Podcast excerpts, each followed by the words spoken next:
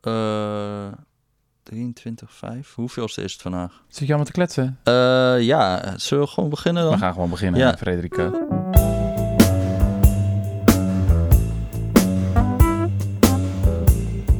Er was, eh, er was dus even, even een kleine crisis. Want eh, gisteravond kregen wij het eh, bericht dat Brechtje Hofstede, die wij hadden uitgenodigd om over het feminisme te komen praten, dat hij Aha. dat hij gewoon eh, ziek is. Ja, dat is, dat is echt schrikken. Dat was even schrikken. Dus eh, dit wordt totale freestyling. Ja. ja. We beloven bij deze natuurlijk wel, eh, die komt er nog aan, eh, deze podcast. ja. Ehm, maar er is op zich wel wat te bespreken, Frederik. Ik wil het eerste eigenlijk wat ik van jou wil weten, is hoe voel je je? Eh, want eh, we hebben natuurlijk nogal wat reacties gehad op de laatste podcast. ehm, die ik zou willen beschrijven als een eindeloze rant van jou. Waar ik af en toe doorheen mocht kreunen. Fijn Ja. dat je mij nog wel die gelegenheid. Ehm, Ik had ook, toen ik hem terugluisterde, merkte ik inderdaad dat dat inderdaad het geval was. Ja. ja. Ehm, resumerend. ja. Heb je iets eh, weten te doen met die woede? Kunnen we dat een beetje productief maar maken? kijk, is dat ik heb- een plan? ik heb dus wel een groot project op touw. Wat eraan zit te komen met, eh, met de mensen van Schuldig, Esther en Sarah, die hier ook een keer in de podcast zaten. Die moet je Mhm. ook terugluisteren, was hartstikke leuk. Mhm. En ehm, met ehm Annemarie Geros, dat is een lezer van de correspondent, die is ook lobbyiste. Oh, Eh, ja, vet. en die, eh, die is ook vrijwilliger in de schuld, schuldenindustrie, zeg, schuldhulpmaatje. En die kwam ook echt allemaal gekke dingen tegen en zo. Dus die wil heel graag helpen om ehm, dingen te veranderen. En met Jelle Klaas, dat is de man die de bed, bad en broodzaak heeft gedaan. Dat is dat eh, Ja. ding met asielzoekers, dat die dan toch wel een bed, een bad en brood moeten hebben. Alles als ze uitgeprocedeerd ja. zijn, op zich heel redelijk. En die doet allemaal eh, rechtszaken voor de goede zaak. Ehm, en die wil ook dus eh, ons, gaan, ons gaan helpen door rechtszaken te doen met die heel die schuldenindustrie. En nu voor het eerst nu met die verkeersboetes, waar ik vorige keer ook over Ja. vertelde. Die hele idiotie, mensen die in de gevangenis worden gegooid omdat ze een boete niet kunnen betalen. Voor auto's die niet bestaan. Ehm, en wij willen eigenlijk een soort project gaan opzetten waarbij we gaan proberen om echt iets te gaan doen aan heel die schuldenindustrie. Dit is wat het betekent om met de zwarte vlag... eh, ja, ja, ja, ja. Ik kreeg trouwens ook nog een mail van iemand die... Dat heb, heb ik jou nog helemaal niet verteld. Maar iemand die mailde van... Nou, mijn eh, zwarte vlag eh, ligt gestreken klaar als je iets wilt doen met die schulden. Ah, dat is sowieso wel heel leuk. Ik krijg echt veel mails van eh, mensen die ook echt, iets, ook echt heel graag iets willen doen aan al die schuldentoestanden en zo. Dus daar zit ik ook nog heel erg over na te denken. Wat kunnen we dan doen als zeg iemand twee uurtjes in de week heeft of zo? mhm. Hoe kan je dat dan heel zinvol inzetten zodat er iets gaat veranderen? Eh, en hey, eh, Rutger, Mhm. het is wel grappig, want ik zie jou eigenlijk nu alleen nog maar in die podcast elke keer en dan ga je alweer weg. Nou, Maar- ik ben, nu, ik ben nu wat langer thuis hoor. Maar inderdaad, ik was nu een weekje naar ehm, Japan. En eh, ik weet niet, ben je daar wel eens geweest? Nee, tuurlijk niet. Ik Nee, ga ja. toch niet op vakantie? Nee, nee, nee, nee, nee. Maar dat is echt, ik heb wel voor het gevoel dat ik, het gevoel dat ik voor het eerst in het buitenland ben geweest. Oké, oké, Gewoon dit was echt van, raar. dit is echt een ander land. Het is zo raar in zoveel opzichten. Je ziet gewoon echt wat het betekent om niet een individualistische cultuur te hebben, maar een ja, veel collectivi collectivistischere. Waar zie je dat aan dan? Nou, de eerste dingen die je opvallen op straat bijvoorbeeld is, er is geen afval. Is er gewoon niet. Er zijn ook geen prullenbakken. Dus dan denk je, hoe kan dat dan? Nou, het antwoord is simpel. Iedereen neemt zijn shit mee naar huis. En dat doen ze dan ook echt.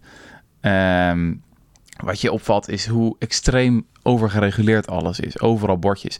Echt joh, ik heb nergens eh, geweest, ik ben nog nooit in een land geweest waar zoveel bullshit jobs zijn. Zoveel banen die echt niet nodig zijn. Dus ik heb, er- ik heb er ook een theorie over ontwikkeld. Eh, er was, ja, nee, serieus. Er, er was dus een. Is een weekje op bezoek in nee, ik Japan ga dat- heeft een hele diagnose. nee, maar ik ga dat even, ik ga dat even inleiden. Want in de jaren twintig ging dus een journalist, Lincoln Steffens, volgens mij een Britse journalist, die, die had een hele reis gemaakt door de Sovjet-Unie. Ja? Ja. En die kwam terug en die sprak toen de onsterfelijke woorden: ehm, Ik heb de toekomst gezien en het werkt. Weet je wel? Nou, en dat was natuurlijk al die intellectuelen, linkse intellectuelen, zeiden toen van ja, dat is inderdaad Sovjet-Unie is de toekomst. Kapitalisme, dat gaat allemaal niet werken. Nou, later zeiden mensen van nou, eh, hij had de toekomst gezien en het natuurlijk nog steeds werkt. Nou, dat, dat was een beetje van. Dus er wordt vaak nog grapjes over gemaakt. Maar ik zou nu willen zeggen: ik ben naar Japan geweest. Ik heb de toekomst gezien. En dat is de toekomst van werk. En mensen werken zich helemaal de pletter in banen die helemaal niet nodig zijn. Ik moet het nog ietsje soepeler maken, deze formulering. Maar wat is dus fascinerend? Heel vaak als men zegt van, nou, als je wil weten hoe de toekomst eruit ziet, als het gaat over vergrijzing, over automatisering, zegt men, kijk naar Japan. Weet je wel? Er is geen land, volgens mij alleen Korea iets meer, maar het is bijna geen land dat, dat zoveel robots heeft, bijvoorbeeld per 100 werknemers. Dus de uh, robots to worker ratio is super hoog in Japan. Tegelijkertijd is de vergrijzing vrijwel nergens zo ver gevorderd. Uh, dus dat is heel interessant om als je dan nadenkt over de toekomst van werk, toekomst van de arbeidsmarkt, hoe ziet dat eruit? Nou, je zou zeggen, er zal wel heel veel werkloosheid zijn, bijvoorbeeld, als al die robots komen. Nee, de werkloosheid krankzinnig laag, 3% of zo. Uh, je zou dan zeggen van, ja, hoe regelen ze dat dan allemaal? Met die, met die vergrijzing gaan ze dan meer aandacht besteden dat meer mensen werken, bijvoorbeeld in de zorg, zoiets? Nee, daar moeten dan al die zogenaamde robots werken. Wat vooral dus fascinerend is, en ik merkte dat op allerlei vlakken, dus eerst op straat. Um, er zit bijvoorbeeld, je loopt door een gang. Je kan alleen naar links. Daar staat een heel groot bord, je moet hier naar links. Er staat nog een groot bord achter, je moet hier naar links. Er staan allemaal lichten bij. Ga naar links, ga naar links, ga naar links. Maar er staan er dus ook nog twee kerels bij. Die staan zo zwaaien, ga je naar links. Terwijl je denkt, ja maar dit is een gang en ik kan alleen naar links. Nou, dat is zeg maar de toekomst van werk. Um, dus in Japan gaat het er niet om dat je efficiënt werkt. Het is een krankzinnig inefficiënt land. Het gaat er meer om dat je doet alsof je werkt. Dus dus ze hebben ook krankzinnig lange werkweken. Uh, weet je wel, 60, 70, 80 uur. Ja. Iedereen werkt zich helemaal te pletter. Werk is daar niet een onderdeel van je identiteit. Werk is je identiteit. Maar ik vond het dus heel interessant. Het is gewoon een soort van uitvergroting van allerlei trends die we op zich in Nederland en in de VS ook zien. Namelijk, dit is wat er gebeurt als, als werk alles wordt. Gewoon. Uh, en dan maakt het helemaal niet uit dat er robots komen. Maakt helemaal niet uit. Mm -hmm. Want echt, jongen, die automatisering daar, die is vergevorderd. Uh, als je, ver, vergevorderd als je bijvoorbeeld naar het toilet gaat. Jongen, jongen, jongen, dat is fantastisch. Nou, dat, dat, ding klapt automatisch open. Dan heb je allemaal knopjes. Dan kan je je, je je billen helemaal laten bespuiten met allemaal warme stralen. Oh, God, en, en het leukste is nog, er zit ook een knopje op en dat Oh, heet man, privacy. dat- Dat heet privacy. En dan begint dus het toilet een beetje herrie te maken. En van keihard Dimitri aan en Maurits naar beneden. Als je dan keihard aan plompen bent, dan, dan hoor, horen mensen dat niet. Maar, ik dacht dus, ja, Oh, man, ik ga die knop echt niet indrukken, dacht ik. Want ja, dan denken mensen natuurlijk van die gast ja, is dat is keihard aan het... eh, ook, ja. ja. Nou, dus een heel bijzonder land. ik, hoor, ik hoor het je zeggen, Ja, ja, ja. verdomd. Kijk, ik wil niet Japan afzeiken of zo, hè. Want het is bijvoorbeeld, mensen duwen niet in de metro. Criminaliteitscijfers zijn echt krankzinnig laag ook weer, hè. Ja. Dus wat is het? Eh, aantal eh, doden door pistool of geweer wa- was vorig jaar iets van zes of zo. Met de vergelijking in de VS waren het 34.000. ja, dat is De, bizar. de politie ja. had minder dan tien keer geschoten dat hele jaar. Ja. Nou ja, dat is echt eh, in een land van 150 miljoen inwoners. Ja.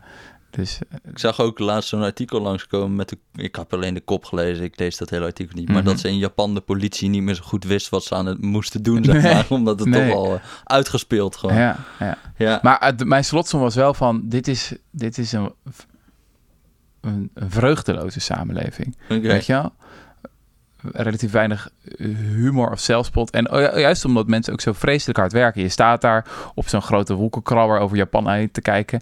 En dan denk je van... Weet je, al die honderdduizenden advocaten, consultants, bankiers, weet ik wat allemaal, die allemaal e-mails aan het tikken zijn, rapporten aan het schrijven zijn, allemaal bijeenkomsten. Were- een journaliste vertelde mij dat ze laatst bij een vergadering was om een vergadering voor te bereiden die ging over het voorbereiden van nog een andere vergadering, weet je wel, dat soort dingen. Ja, ja, ja. Waar ze dan weer, eh, nou, die hele begint bij de aanwezigheidscultuur. correspondent ook te gebeuren. Hè? Precies, ja, het, is, het zijn gewoon uitvergrotingen van dingen die we op zich wel herkennen. Mhm. En dat vind ik dus heel grappig, dat elke keer als die discussie gaat over de toekomst van werk en robots gaan al onze banen innemen.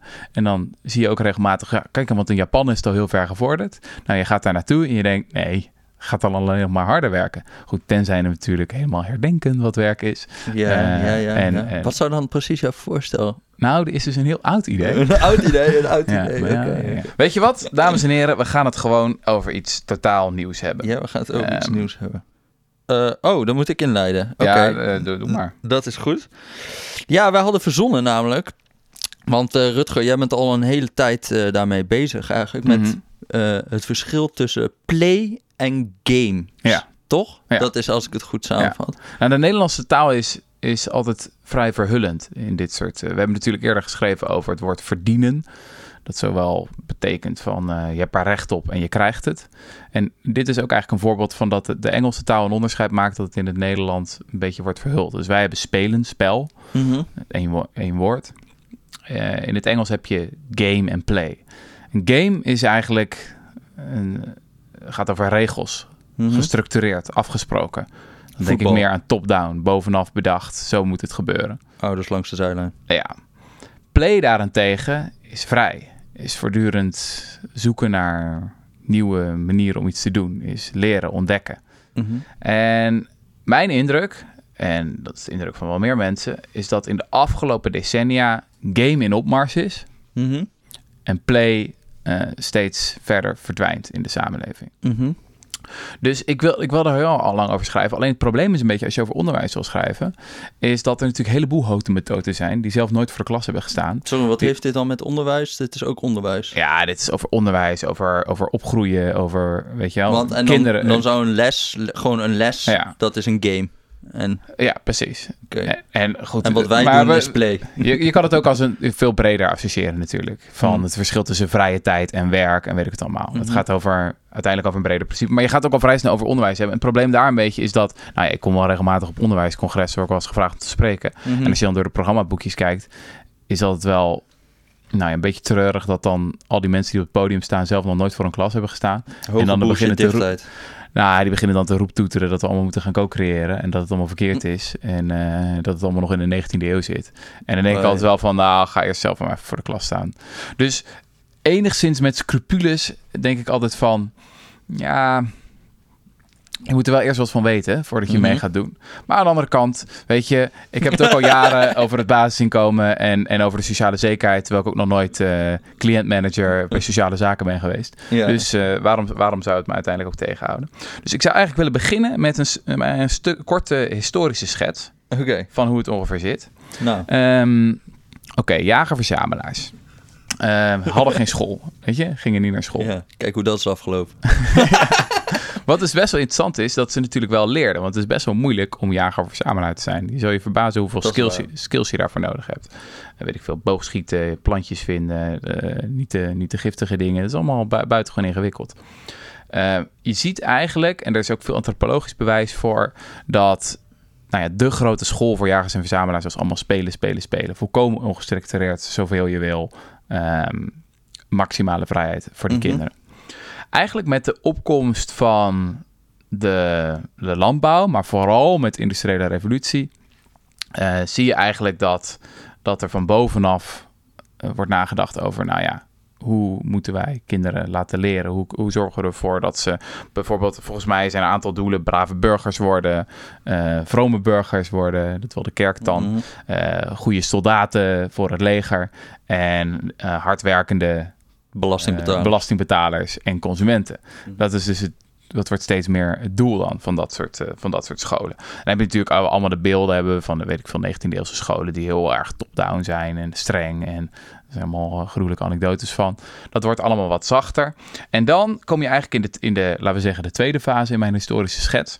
En er is een mooi boek over geschreven van eh, Howard Chudakov. Het boek heet Children at Play. En dit gaat dan vooral over de Amerikaanse geschiedenis. En die zegt eigenlijk van, nou ja, de- vooral de tweede helft van de 20e eeuw, het begin daarvan, is een soort van gouden tijdperk van vrijheid voor kiddo's.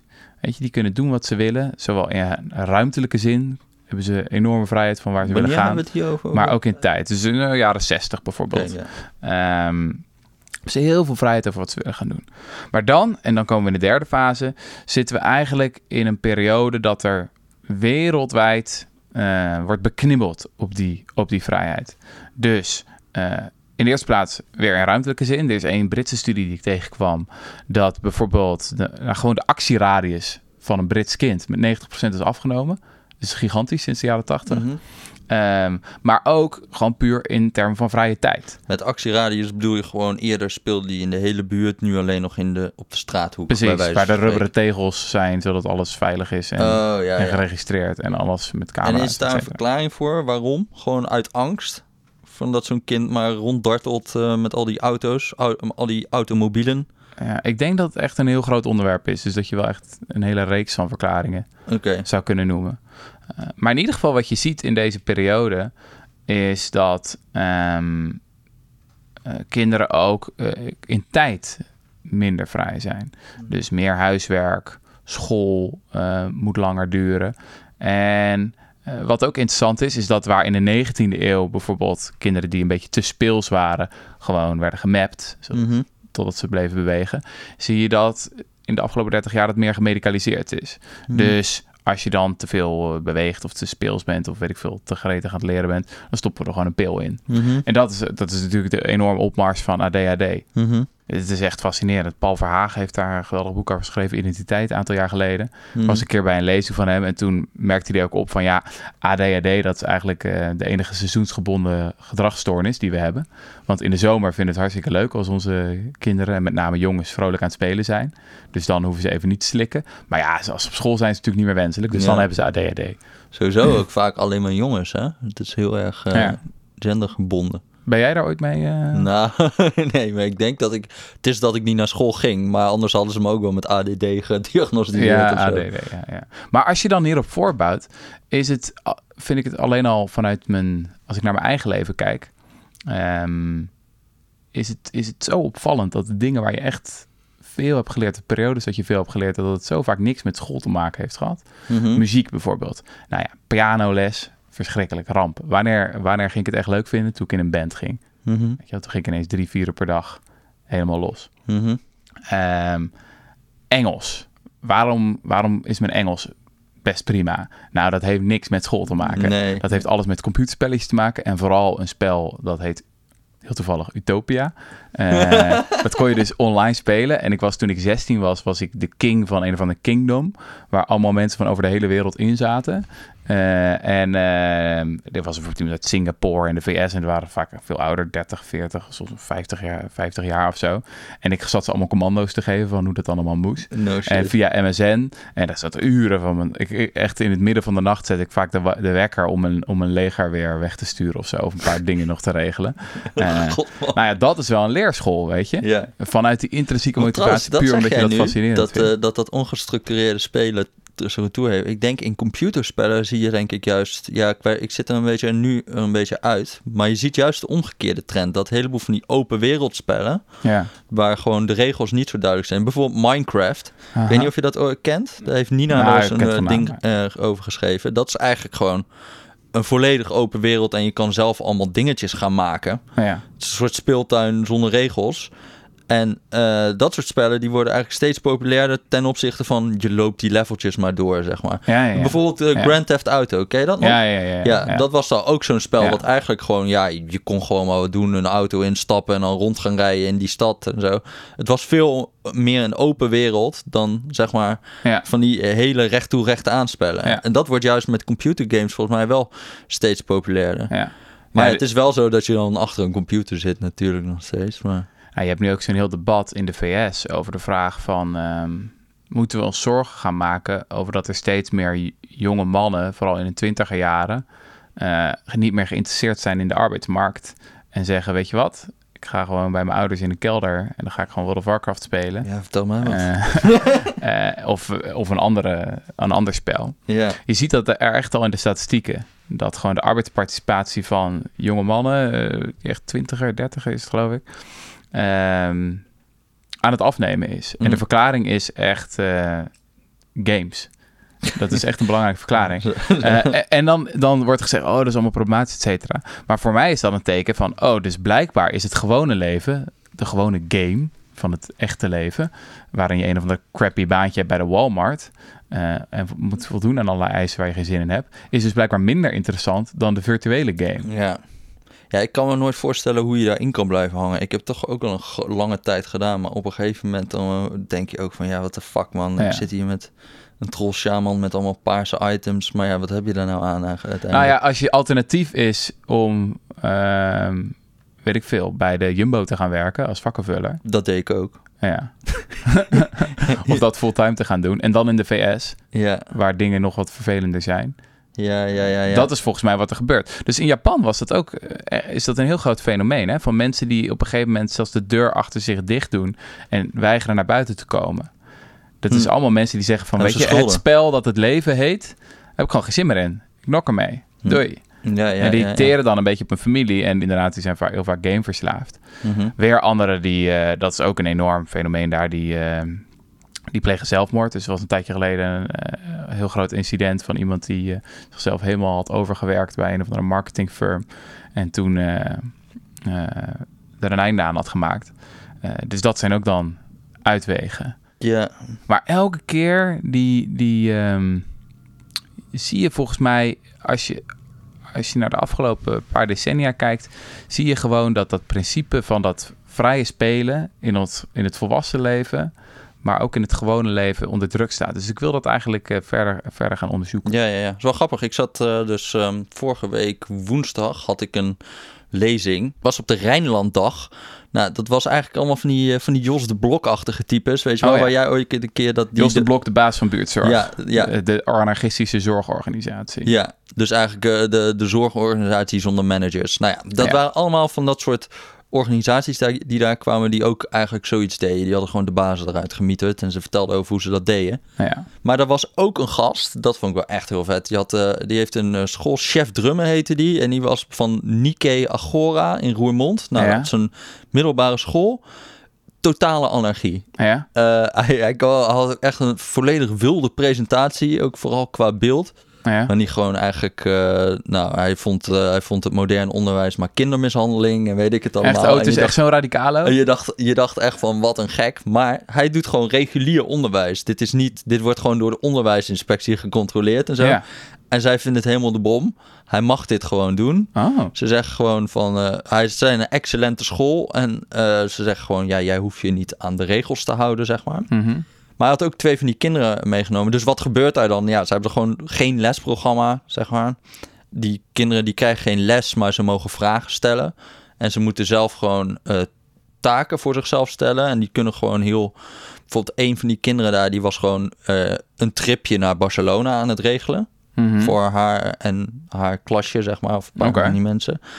Dus dat is de enige verplichting, dat je jezelf doelen stelt. dat je jezelf doelen stelt en dat dan dat die ook haalbaar moeten zijn.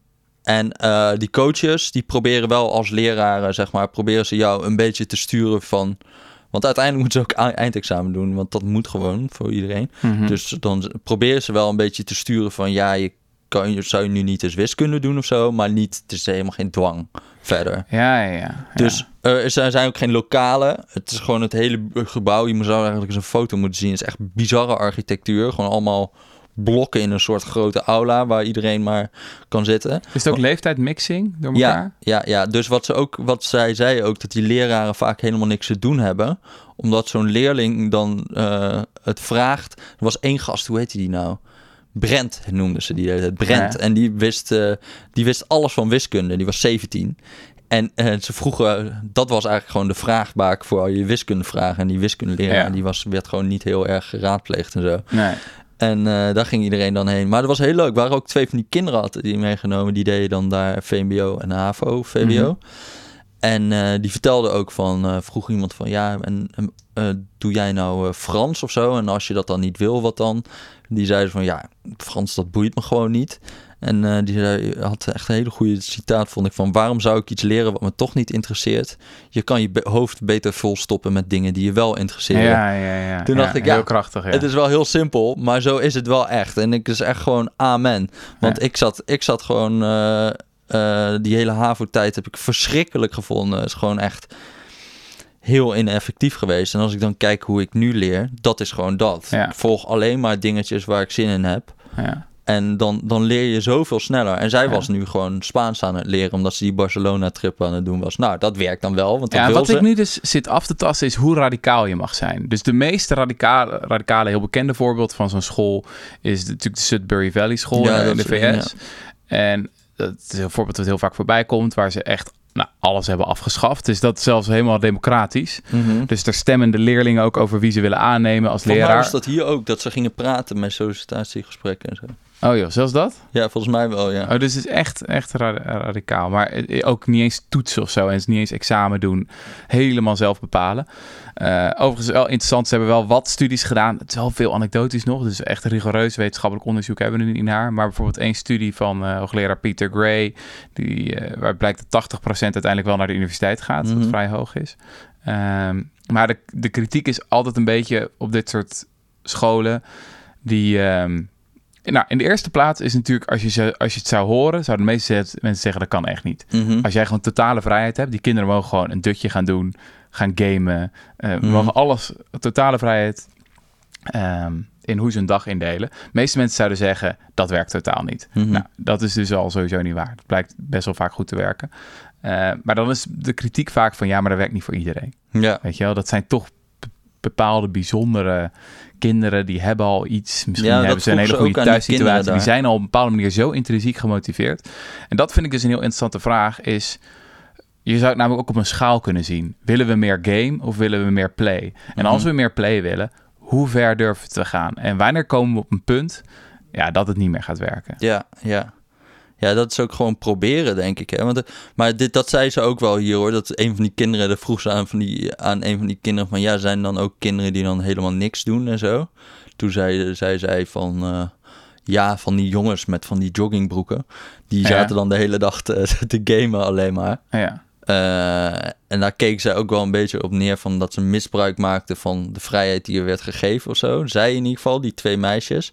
Maar die chef, die, eh, die man die, eh, van die school, die directeur, of ik weet niet wie ja. die directeur is, die zei ook van ja, eh, dat zijn gewoon, ja, die jongens, die zijn gewoon veel, het zijn altijd meisjes die eigenlijk wat verder zijn dan die jongens. ja. Terwijl hij zegt van, ja, van die jongens van 13 en zo, die hebben gewoon zeven hersencellen waarvan er zes bezig zijn met seks. Dat is een citaat.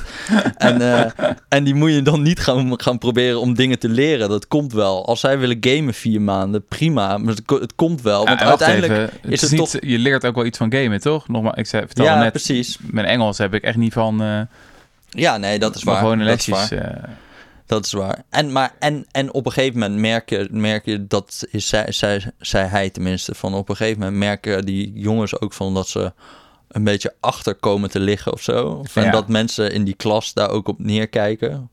Of Ja. gewoon leeftijdsgenoten andere dingen aan het doen zijn en zo. En dan sla- draait dat om. Maar het is ook wel zo dat er gewoon dat dit, dat dit niet voor iedereen werkt. Ze hebben ook een soort reguliere middelbare school in datzelfde gebouw. mhm. Eh, wat ietsje losser is, maar niet zo los. Dus dan heb je een soort. Zij zei ook die kinderen van dat ze een soort sollicitatie hadden gedaan. Van of ze dan. Of ze de totale vrijheid aan kunnen. Ja, en dan en daar en op dat eh, op die school zaten denk ik 150, 200 mensen of zo. En dat Ja. werkt wel goed. Maar ja, dus dus wel een soort filter van of men, of mensen. Ja. Volgens mij heeft het ook heel veel te maken met thuissituatie en zo. Want Ja. eh, mijn zusje die is dan die is dan lerares op een basisschool. Nou, dat is in Overvecht in Utrecht. Dat is wel wat, eh, wat andere koek dan dit, zeg maar. Daar zitten gewoon... Ja, dat zijn gewoon kinderen met, eh, die, die gewoon heel schizofreen drie verschillende werelden hebben. Gewoon de Ja, thuiswereld, precies, de wereld van de straat en die school. En waarschijnlijk ook nog andere talen tussen al die drie dingen. Dus En dat is terechte kritiek natuurlijk vaak op dit soort bewegingen. Van luister, uiteindelijk heb je gewoon om te kunnen functioneren in de moderne samenleving een aantal cruciale vaardigheden mhm. nodig. En of je dat nou leuk vindt om niet te leren, eh, misschien vind je dat nu niet even leuk, maar je hebt dat uiteindelijk wel echt nodig. Mhm. En zeker mensen die eh, minder eh, nou, een achtergrond hebben, minder privileges, armoede of andere dingen die aan de hand zijn. Ja, die hebben dat keihard nodig. Dat, is, Mhm. dat de school ze daarbij helpt. Maar ik, het is ook een interessante vraag. Bijvoorbeeld als het gaat over lezen, de Sudbury Valley mensen zeggen dan altijd van... ja, nee, we hebben best wel wat mensen die gewoon, nou ja, ik veel, op achtste, negende of zo denken van... ja, ik kan eigenlijk nog steeds niet lezen, schrijven. En dan wordt het op een gegeven moment echt gênant. Dan kunnen ze niet meer meedoen met allerlei Mhm. dingen. En dan leren ze het in een paar maanden. Mhm. Dan zijn ze ineens weer bij. Omdat ze dan heel intrinsiek gemotiveerd zijn van... oh, ik moet het nou echt even gaan regelen. Dus iets van die kracht van intrinsieke motivatie... dat, dat je daar meer op gaat inzetten. Ja, ik bedoel, zoveel mensen... als ik op anekdotische basis in mijn eigen omgeving ken... als ik naar mijn eigen leven ken... als je veel van de, laten we zeggen... de, de, de groten uit de geschiedenis bestudeert... ja, school is zo vaak niet de factor. Het is zo vaak gewoon mensen die geobsedeerd raken met iets... en daar alles van willen weten. Ja. Uh, dus ik heb, ik heb het gevoel dat we die discussie misschien een beetje uh, moeten zien als niet in absolute termen van ja, moeten we een hele traditionele school of moeten we helemaal all the way gaan. Maar moeten we misschien weer stap voor stap experimenteren in een andere richting. Ja, ja, ja, ja. Want de afgelopen, ja, als je uitzoomt, de afgelopen 30 jaar ook, neem het hele fenomeen van uh, huiswerkinstituten of zo. Dat is gigantisch in opkomst. Mm -hmm. En dat heeft natuurlijk ook te maken met het hele. Het is ook allemaal politiek. Dus de vraag is ook, als we nadenken over het onderwijs van nu, gaat ook over de vraag: ja, wat voor toekomst willen we nu? Uh, willen we? Dus als we zeggen, nou, wij vinden het belangrijk dat er straks zoveel mogelijk mensen in een gelikt kantoor zitten en een gelikt maatpak, zoveel mogelijk mailtjes aan het tikken zijn, uh, en rapporten aan het schrijven die niemand leest. Een beetje zoals ze dat in Japan doen. eh, en dus eh, ja, hoge cijfers hebben gehaald. op, de, op de testen goed, Sorry, wat goed had dat met gescoord. onderwijs te maken? Nou ja, als dat je, je ideaal is van waar je naartoe wil, jouw jouw definitie van succes, van wanneer je gescoord hebt, Mhm, ja, dan doen we het best wel goed. mhm, Maar als je naar een heel andere samenleving wil, dan moet je het misschien heel anders gaan inrichten. mhm.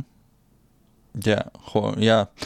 Ja, ik vond, ik vond het wel grappig, want die kinderen die ik dus zag van dat... eh, ja, ik heb natuurlijk maar een uurtje of zo met ze zitten praten. Maar dat waren wel echt voor 13-jarige bijzonder eloquente kinderen, zeg maar. Ah, ja, Die gewoon heel erg goed konden uitleggen waarom het zinloos was om hen tot dingen te dwingen, zeg maar. aha. Ik dacht van, nou, dat, eh, dat lijkt mij betrokken burger straks. Ja, bij. Maar je moet maar mee, man. Want ik, ga, ik, ik heb dus echt best wel zin om daar een keer langs te gaan. Zowel Roermond is natuurlijk een pleurisend. Maar is het dus een beetje de Jos de Blok Ja, van het onderwijs? ja, denk, ja, denk wel. Ja, dit was wel ook eh, dit was wel echt een maf event. Want Jos, maar Jos de Blok is ook zo'n figuur waarvan je de, de helft van de tijd het gevoel hebt van...